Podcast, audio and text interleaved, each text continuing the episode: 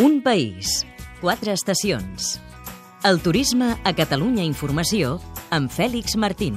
Avui ens desplacem fins a les Garrigues per visitar un celler que combina el vi amb l'art i la natura. És una de les propostes de la Ruta del Vi de Lleida.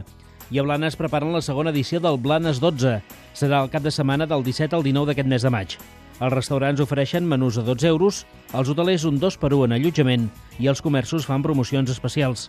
Escoltarem la secretària de l'Associació de Botiguers Blanes Centre, Maria Àngels Guterra.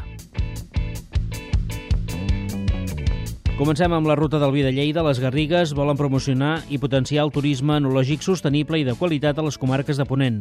Un reportatge de Noelia Caselles amb el muntatge musical d'Àlex Rosselló. Enfilem una carretera que, si no som de la zona, segurament ens sorprendrà. Tot i que visitem un celler de les Garrigues, el paisatge és de muntanya. La Pobla de Cerula és l'únic poble de les Garrigues que està considerat de muntanya, pel de l'alçada, pel tipus de territori o de terreno que tenim. I clar, això t'ha de donar un, un punt positiu no, amb aquest aspecte, de fer un vi una mica diferent. Ens ho explica el Raül Moragas, pagès de professió que treballa a les vinyes Mas Blanc i Jové. Visitar-les és una experiència que va més enllà del vi. És una barreja d'art, natura i vinya, un projecte que va néixer d'una parella de Gramunt que juntament amb el seu amic i pintor Josep Guinovart acostumaven a visitar la zona.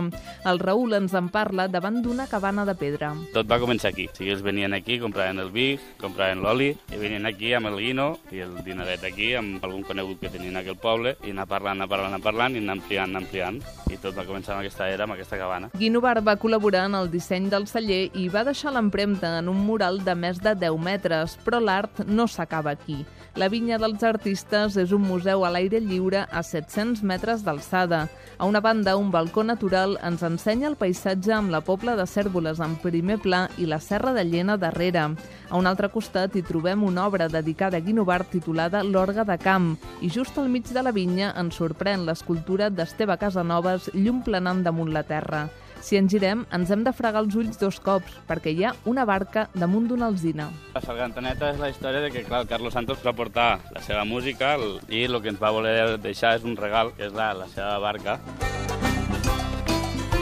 Un cop dins el celler, l'art continua present, però ara ens centrem més en el producte, el vi. La zona de Costes del Segre, el que té és que és molt escampada, hi ha molta diversitat de vins. Llavors, doncs, clar, nosaltres tenim un, un vi una mica amb aquesta zona d'aquí, tant al Vilosell no? com a tota aquesta zona aquí, una mica diferencial d'altres zones que són més planeres, més, més baixes, no? més fondes, amb un altre tipus de terreno. Després de veure com es fan l'abrival, l'expressiu, el rosat o el blanc, toca tastar-los. Intentem fer un blanc que sigui un blanc de la zona. No ficant varietats que no siguin d'aquí o que no siguin autòctones perquè el, el que fas és fer un vi que no, que no reflecteix el que és la zona. Mas Blanc i Jové és un dels vins cellers que formen la ruta del vi de Lleida, cadascun amb les seves peculiaritats. La ruta també ofereix allotjaments, restaurants i propostes culturals, un passeig per la gastronomia, la cultura i la geografia lleidatanes vistes a través dels seus cellers.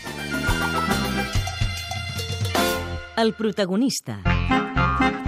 Soc la Maria Àngels Gutarra de l'Associació de Botigues de Blanes Centre. Els convido a participar al Blanes 12, que tindrà lloc del 17 al 19 de maig. El divendres 17 les botigues obren fins a les 12 de la nit fent promocions, eh, descomptes, hi haurà molta animació al carrer perquè és una festa. També hi ha un sorteig acabat a, quan tanquen les botigues i el cap de setmana els hotels i restaurants de Blanes també fan ofertes. Els hotels faran un 2 per 1 i els restaurants posaran menús a 12 euros. Per a reserves i per informació a la pàgina web de l'Ajuntament de Blanes. L'intenció és promocionar Blanes com a ciutat eh, comercial, cultural i turística. Com escoltàvem més informació, el web de l'Ajuntament de Blanes és les 3 dobles Bs blanes.net. Un país, quatre estacions. Un programa realitzat des dels centres territorials de Catalunya Informació.